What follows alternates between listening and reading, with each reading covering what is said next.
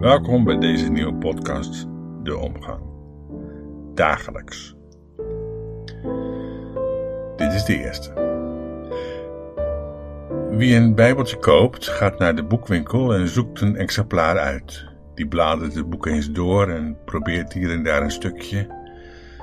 En ja hoor, als het tekst betreft die begrijpelijk overkomt, dan besluit degene: hier heb ik wat aan, dit snap ik tenminste. Meestal valt het dan tegen. Men begint vaak te lezen in Genesis en stoomt vol goede moed op naar Exodus. Allemaal nog heel spannende verhalen. Maar eenmaal aangekomen in Leviticus haakt men snel af. Al die wetten en regeltjes, niet om door te komen. Ik kan me nog herinneren dat koningin Beatrix het eerste exemplaar van zo'n Bijbel in omgangstaal, de nieuwe Bijbelvertaling, in ontvangst nam en ze mocht een stukje voorlezen. Ook zij begon uiteraard maar gewoon vooraan. In het begin, zo begon ze midden op het podium van de Doelen in Rotterdam, schiep God de hemel en de aarde. De aarde was nog woest en doods, en duisternis lag over de overvloed. De bobo's keken elkaar aan. Ze wisten niet dat deze nieuwe Bijbelvertaling zo actueel was. Dat was hij ook niet, want de koningin maakte een leesfout. Er stond, en duisternis lag over de oervloed. Ze had er van de zenuwen een veetje in gelezen. In het begin, zo staat er nu. Dat lijkt duidelijker dan hoe het vroeger klonk. Het moet toch ooit lang geleden zijn begonnen, dus is er het begin. En dat oude in den beginnen, ja, dat weten we nu wel. En toch is het oude beter.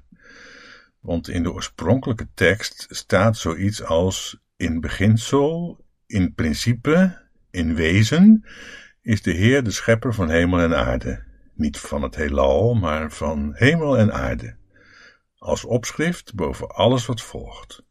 Het beginsel van alles is dat de Heer de schepper is van hemel en aarde.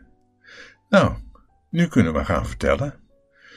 De aarde nu was woest en ledig, was tohu wabohu, staat er in het Hebreeuws. Dus, dus de aarde deed zich voor als onleefbaar, onherbergzaam. En dan is er een bijzondere God, de God van de Bijbel, en die gaat ermee aan de slag, die gaat er wat van maken. Dat heet schepping. Creatio ex nihilo, zei de vroege kerk. Dat betekent um, creatio, schepping, ex nihilo, uit het niets. Dat betekent niet eerst is er helemaal niks en dan vloep, dan is alles er. Nee, wat er eerst was, ja, dat is nog niks. Er moet nog wat worden. Creatio ex nihilo. Komt er dan toch nog wat terecht van deze wereld? wis en waarachtig. Al gaat het niet 1, 2, 3. We hebben de komende tijd, elke dag de tijd, om samen te denken over hoe dat dan gaat. En of wij daar ook deel van uitmaken. Tot morgen.